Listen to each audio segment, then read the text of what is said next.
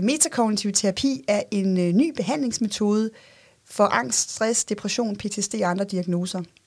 Og i den her metode, der handler det ikke om at, at aktivt regulere øh, tanker og følelser væk, men at lade dem være i fred, så de kan selvregulere. Velkommen til Månedskriftets podcast. Mit navn er Christian Føds. Jeg er redaktør og speciallæge i almindelig medicin. Og i dag der skal det handle om metakognitiv terapi. Vi har besøg af psykolog og forfatter Pia Kallesen. Velkommen til. Tak. Jeg læste på et tidspunkt Pia Kallesens bog Lev mere, tænk mindre, anbefalet af en kollega, der har været på ugekursus i metakognitiv terapi. Og jeg må indrømme, at jeg fandt tankestoffet rigtig spændende, for jeg synes, den tilbød en ny og forfriskende tilgang til arbejdet med psykiatriminer i almen praksis. Grundtanken er, at vi bliver syge, fordi vi grubler eller bekymrer os for meget, eller måske retter for længe. For selve grubleprocessen, den skaber psykisk mistrivsel. Og det allermest centrale spørgsmål i metakognitiv terapi, det er, hvor lang tid om dagen bruger du på at gruble? For hele den terapeutiske indsats efterfølgende, den handler ene og alene om at nedsætte grubletiden kvantitativt.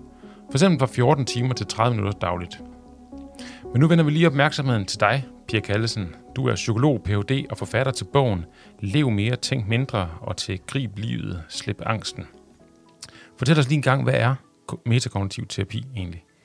Metakognitiv terapi er jo et helt nyt paradigme inden for psykologien, en helt ny forståelse af, hvad årsagen og løsningen på psykiske lidelser er. Så i modsætning til kognitiv terapi, som mange jo kender, øhm, så behandler metakognitiv terapi ikke ligesom indholdet eller fortolkningen af det, folk gør sig i forhold til livet og sig selv osv., men hele alene på tiden, vi bruger på vores tanker. Altså det starter jo med en starttanke eller en trigger-tanke, så lad os sige, at man, øhm, man lige lige skimmer sin bankbog og tænker, shit mand, jeg har ikke ret mange penge. Så er trigger-tanken ligesom den første tanke i en eller anden. Det er ikke blevet til et grubleri nu, for vi har ikke svaret tanken, vi har ikke gået ind og bearbejdet tanken. Så det er bare en tanke blandt de mange tusind, vi har. Ligesom du ved, hvad der er vælg i køleskabet, hvad kommer der i fjernsynet, men så kan der komme sådan en, shit mand, jeg har ikke ret mange penge tanke for eksempel. Og hvis vi så bare lader den være, ja, så kan det være, at den cirkulerer rundt og kommer igen og igen, men hvis vi begynder at gruble på den, jamen så kan vi faktisk holde liv i den og booste den, og så bekymrer vi os om, har vi overhovedet penge nok, og hvad skal vi gøre for at få nogle flere, og hvad med næste uges husleje, og kan vi nu betale den, og hvad nu hvis der kommer flere regninger, og bum bum. Og til sidst har vi måske pisket os selv op i et eller andet angstanfald, fordi vi ikke ja, har bekymret os måske tre timer om vores pengesituation. Så det vil sige, at man har det, du kalder for en trigger-tank. Altså et eller andet for eksempel, ja. har jeg flere penge på bankbogen? Ja, det kan også være en helbredsangst. Åh oh, nej, har det der, det der ondt i maven, nu har jeg ondt i maven igen. Er det, er det mavekræft? Hvis nu vi tager den trigger den kender vi jo rigtig godt ud i praksis. Ja, det var det. Hvis der, man har en patient, der får en eller anden øh, følelse i maven, en mm. eller anden ting, som man kan sige, den kunne egentlig bare være passeret, altså man får nogle smerter, yeah. så kan det udløse nogle tanker, der yeah, hedder, kunne det, her være, kunne det her være kræft? Er det noget alvorligt, jeg skal, jeg skal handle på? Er det kræft eller noget andet alvorligt? Og det, der så er tanken i det, det er, at når man så tænker de tanker længe nok, ja, hvis man, går, hvis man bruger kræfter på de tanker og prøver at løse dem, skal jeg ringe til lægen, skal jeg ikke ringe til lægen, skal jeg gøre noget ved det? Man prøver måske at finde svar ved at google sine symptomer. Man bruger tid og kræfter på at finde svar på sine tanker op i hovedet. Så bliver det værre og værre og værre, og det skaber bare nye spørgsmål og nye grublerier, og så ender man med en total nedtur, øh, hvor det hele er meningsløst, og man nærmest lige så godt kan begå selvmord, for man har sikkert fået mavekræft, altså en hel aftens grublerier for eksempel. Og det, der var interessant her, det er jo, at det er øh, det er, hvor lang tid man bruger på at gruble. Ja, det er ikke bare den første tanke, den var et sekund. Den tanke, har, har, har jeg mavekræft? Ja. ja. Men har jeg mavekræft-tanken, den er jo bare, har en to sekunders levetid. Med mindre man begynder at snakke med den. Så kan man holde dialogen kørende med sig selv rigtig længe. Og så var den jo ikke bare to sekunder. Så kan den jo vare ubetinget. Altså, nogle er jo deprimeret i flere år. Altså. Så kan den jo vare i overvis, hvis man bliver ved med at gruble over, hvorfor man føler tomhed og ikke mærker noget, og bliver ved med at være deprimeret, selvom man tager piller. Hvorfor bliver jeg ved med det? Ja, så bliver det ved i overvis.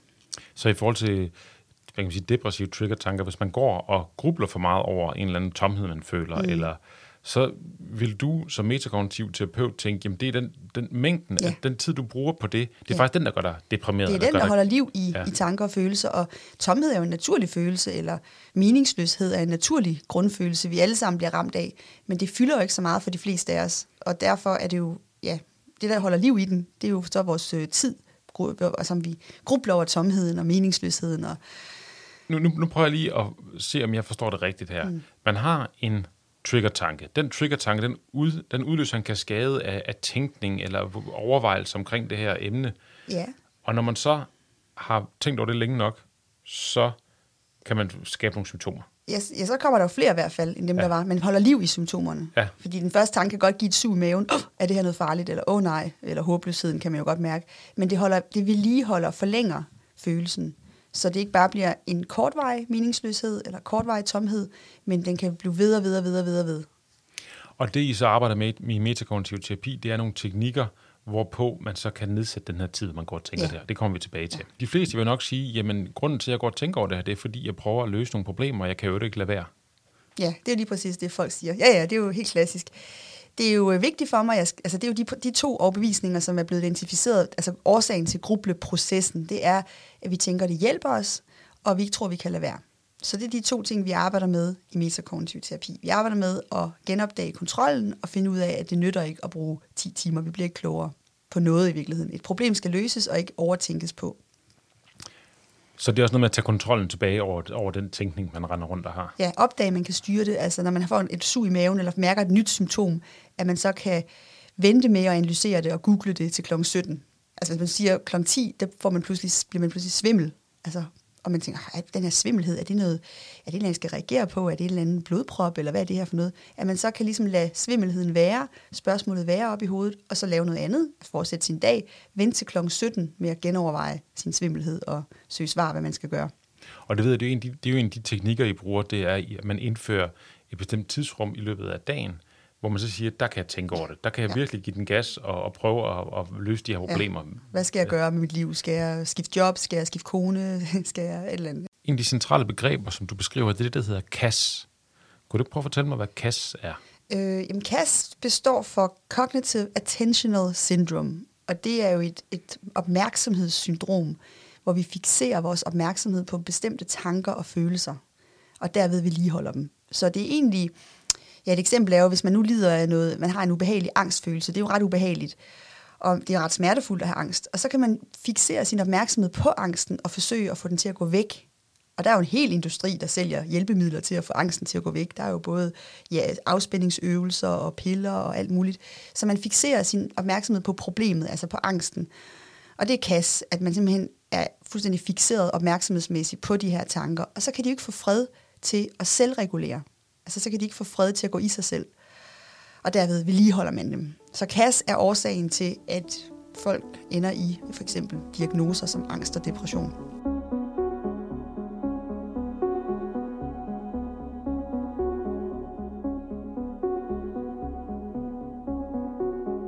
Hvordan foregår det her typisk? Altså lad os nu sige, at jeg sidder i min praksis. Jeg har for eksempel en 32-årig kvinde med svær sygdomsangst, og hun lever op til kriterierne til henvisning til en psykolog. Jeg henviser hende til dig. Hvordan vil du øh, strukturere sådan et forløb? I første omgang vil jeg jo høre, hvad, hvad hun godt kunne tænke sig at få ud af forløbet. Øhm, for ligesom at finde ud af, kunne hun tænke sig at få nogle redskaber til, og at det fylder mindre, altså at hendes bekymringer og angst fylder mindre, eller er der en anden målsætning, hun har, har på banen. Så først og fremmest forventningsafstemme lidt. Øh, og så kan man sige, så kan der være mange, der sådan, jamen jeg ved ikke, om der er noget galt, det vil jeg også gerne finde ud af. Så de er lidt i tvivl, om de sådan skal overgive sig helt til det psykologiske, fordi de er bange for, jamen så vil lægen slet ikke kigge på mig mere, fordi lægen siger bare, at det er psykologisk. Og der kan man jo det meste gå mere at sige, jamen det kan da godt være, at der også er noget fysisk.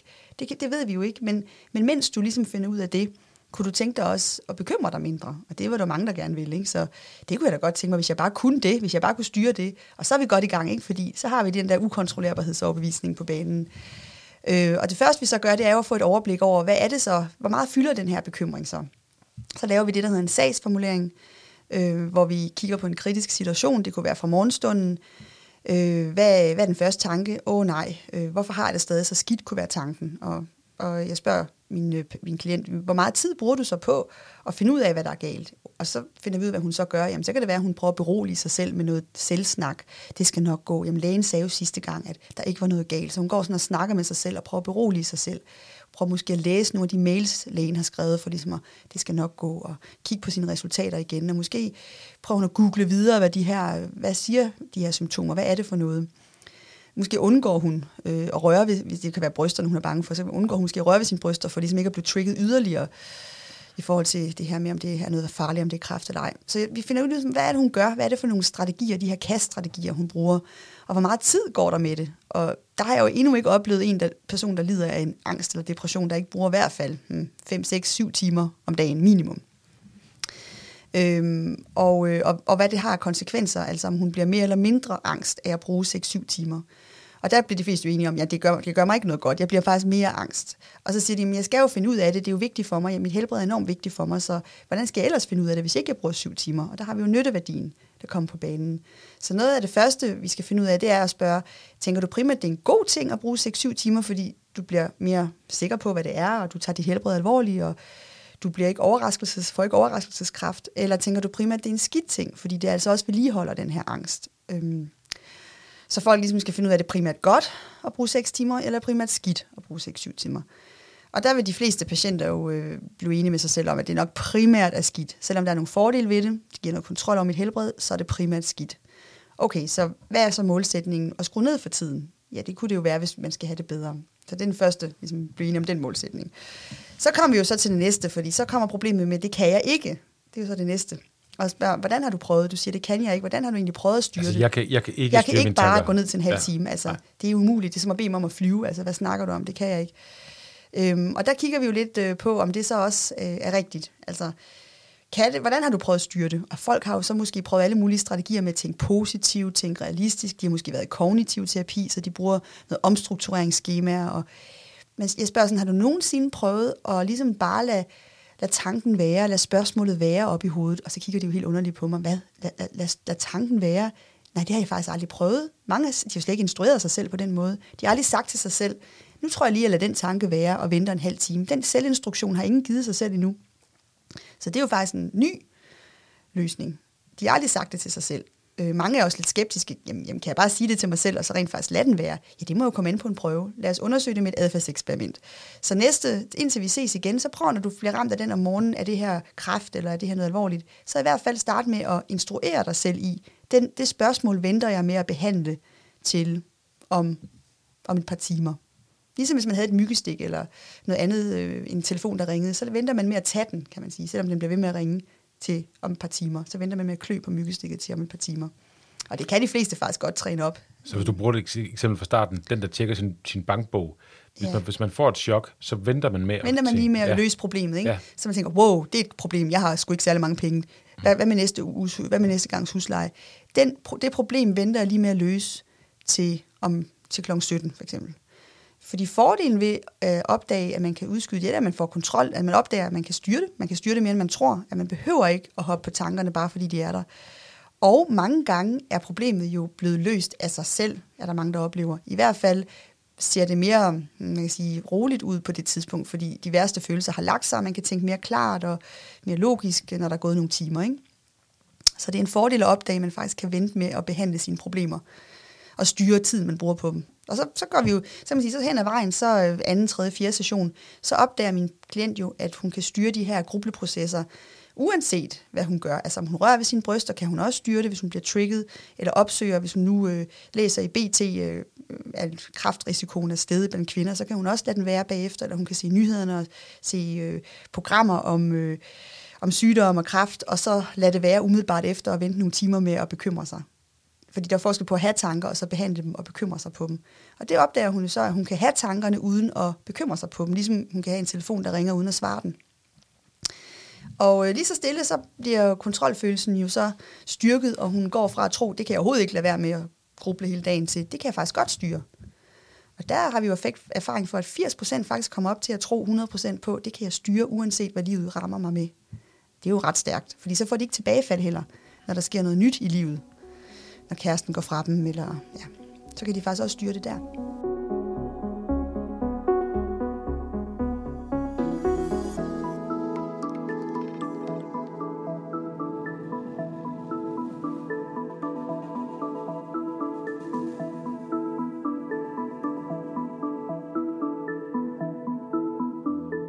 Hvad, gør man så? For en ting er jo, at man kan sige, at jeg, jeg venter til klokken øh, 17 med at, hvad hedder det, med, med, med at tænke over det her. Men er der, er der andre metoder, man kan bruge? ja, man øver sig jo på at, at flytte sin opmærksomhed til noget andet, øh, selvom det andet er der, og så øver man sig på også bare at være med det, uden at svare det. Det vi kalder afkoblet opmærksomhed. Så, Hvordan laver man afkoblet opmærksomhed? Ja, det er jo egentlig den tilstand, vi har lige før vi falder i søvn, så det er at gøre ingenting, kan man sige. Det er doing nothing is doing everything, som Adrian Wells siger, ham der har lavet metoden. Og det er jo virkelig lazy therapy det her, fordi det er nok den eneste metode, jeg kender, hvor man skal gøre ingenting for at få det bedre. Hvordan lærer man at gøre ingenting så? Ja, det er jo på kommando, ikke? Hvordan lærer man at gøre ingenting på kommando? Øh, mange af os kan jo, øh, med, måske med andre tanker. Øh, måske kan vi sagtens lade, hvad er der i køleskabet, eller hvad skal vi spise i aften, eller hvad, hvad for en gave skal jeg købe til min, min tante? Altså, nogle gange, nogle gange kan vi jo godt lade mere neutrale tanker bare være, uden at vi behandler dem alle sammen. Og det er lidt det samme, vi skal til at øve med, med de der lidt mere følelsesmæssige, der giver ondt i maven og giver lidt mere tankemøller dem skal vi også kunne bare være med. Øhm, så det er jo en masse øvelser i, i terapien, hvor vi bare er. For eksempel har jeg en meget god øvelse med papirskugler, hvor, hvor jeg simulerer en rigtig dårlig dag med tankemøller. Og det vil sige, jeg skriver nogle små lapper med triggertanker på. Åh oh, nej, er det kraft? Åh, oh, hvad nu hvis det bliver, hvis jeg nu dør, hvad nu hvis, hvad med børnene? Og så laver jeg nogle små papirskugler af de her triggertanker og kaster på klienten, som var det en rigtig dårlig dag med tankemøller. Og så prøver vi forskellige strategier af, for ligesom at mærke, hvordan de føles. Og den første er jo at parere og kæmpe og skubbe væk og prøve at løse de her tanker. Ikke? Så klienten sidder og flakker rundt og prøver at undgå at blive ramt af de her trigger-tanker, ja, der bombarderer vedkommende. Ikke? Og det er meget stressende, når vi snakker bagefter om, hvordan føles det? Uh, jeg er helt stresset og træt, og puh. Hvis jeg gjorde det her i fem timer, som jeg normalt gør, så er det ikke så underligt, at jeg er helt bumpet, og puh, man bliver træt af at sidde og parere sådan her.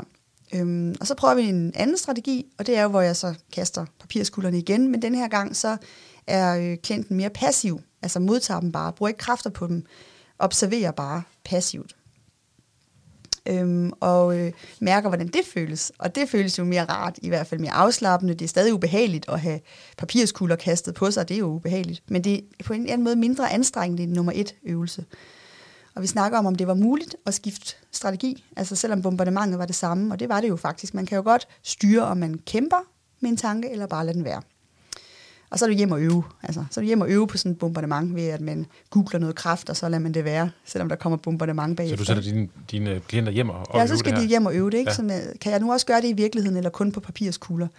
Så vi kan også gøre det i sessionen, hvor vi lige googler noget kraft og får tankemøller, og så øver vi os på bare at være med det, og bare ikke gøre noget. Altså det kan være, opmærksomheden flakker lidt rundt på mor og få af sig selv, ikke? man lige bliver opmærksom på en lyd og noget andet. Men man prøver ikke aktivt at styre noget. I har også en, en øvelse, hvor, I, hvor man skriver et, øh, et ord, der trigger ind på, på øh, et vindue. Ja, det er sådan mere opmærksomhedsfokusøvelse. Ja, prøv at fortælle om den. Ja, det er jo en anden, altså kan du styre din opmærksomhed, selvom, tank, selvom der er de her trigger-tanker i dit hoved, øhm, kan du så lade dem være. Og det og så plejer vi nogle gange, og så kan vi vise det med, jamen det er ligesom, hvis jeg nu skriver dine trigger-tanker på ruden, så kan du jo fixere al din opmærksomhed på tanken, på ruden, og alt andet går lidt sløret, bliver lidt sløret. Men kan du også ligesom zoome igennem tanken og stille skarpt på baggrunden, altså på træerne, naturen eller husene, igennem tanken. Og der kan folk godt få en fornemmelse af, at de selv kan styre, om de zoomer ind på tanken, eller om de zoomer ind på baggrunden, og hvad de sådan stiller skarpt på. Og øvelsen skal jo vise, at uanset om du har en tanke i hovedet, har jeg kraft, for eksempel, jamen så kan du sådan set godt lad den være at zoome ind på dine børn, eller dit arbejde, eller dit fjernsyn, eller hvad det nu er, ikke? Alligevel. Jeg vil lige gøre lidt reklame. I øh, månedskriftet novemberudgaven i 2019, der har du to artikler i en om met- metakognitiv terapi og en om metakognitiv terapi ved sorg. Og der kan man altså læse mere omkring, hvad det er for nogle metoder, I bruger. I kalder det her for transdiagnostisk, det her I laver. Så, I, så som udgangspunkt interesserer man sig ikke så meget for diagnoser øh, men mere som man tænker, det her det er et lidelsespres, som er opstået på grund af, af overtænkning og behandler overtænkningen. Så man kan faktisk helt, som jeg forstår det, i langt ud, i udstrækning faktisk bypasse hele diagnosetænkningen. Ja, ja, vi blander bare, også når vi laver i grupper, så er det bare alt fra gaden. Altså det er angst, depressiv, PTSD ramt i en gruppe. Det er fuldstændig lige meget, hvad det handler om, fordi det alt sammen er overtænkning.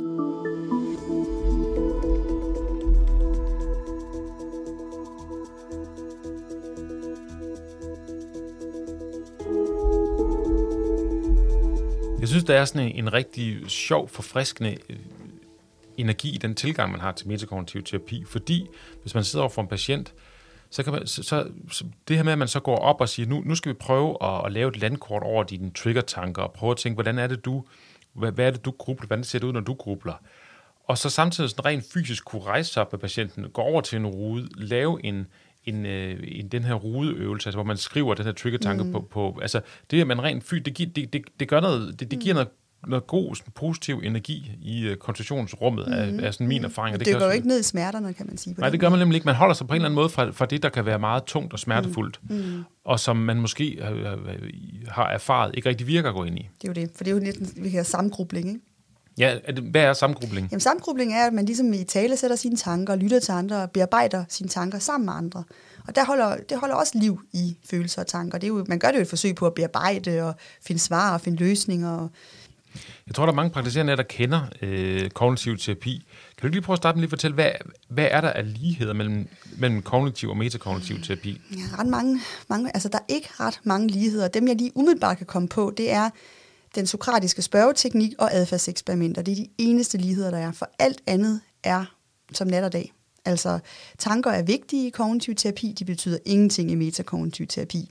I kognitiv terapi skal man bearbejde sine fortolkninger til mere realistiske versioner, i metakognitiv terapi kan man beholde sine forvrængninger, men bruge mindre tid på dem. Så der er ikke ret mange ligheder.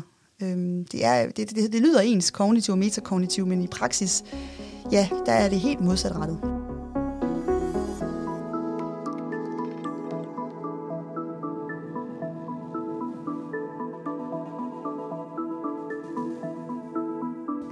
Det her med at, at gruble meget og for meget, det tror jeg, der er mange praktiserende, der godt kan kende øh, ved sig selv. Øh, man kan vel også bruge metoden på sig selv? Man kan sagtens bruge metoden på sig selv. Alle mennesker jo kender jo at gruble for meget og bekymre sig for meget. Øh, det gør jeg jo selv. Altså alle mennesker har jo de her trigger-tanker og problemer op i hovedet. Så man må spørge sig selv en gang imellem, jamen, bruger jeg for meget tid på mine problemer? Kan jeg sove godt om natten? Altså tager den min, min livskvalitet og mit nærvær? Skal jeg bruge mindre tid? Og hvis man synes, man bruger for meget tid, og det ikke rigtig giver noget, jamen, så, har der jo, så kan man jo øve sig på at lade tankerne være øh, implementere grubletid, problemløsningstid, øh, eller opsøge en metakognitiv terapeut. Det er jo altid, man kan altid starte med sig selv, så jeg tænker, hvis der er nogen, der synes, at det, det lyder spændende, så kan man da overveje, når man går på arbejde i morgen, og, og tænke, hvis jeg bliver mødt øh, af nogle tanker inde i hovedet, jeg gerne vil tænke mere over, så kan jeg måske vente til klokken 12 med at tænke på eller det. Eller 8, når børnene er gået i seng. Ja, klokken 8, når børnene, man kan holde det så længe. Men det er der, det er der sted at starte. Tusind tak, fordi du ville uh, være med til at fortælle os lidt omkring metakognitiv terapi. Selv tak. Ha' en rigtig god dag. Tak lige måde.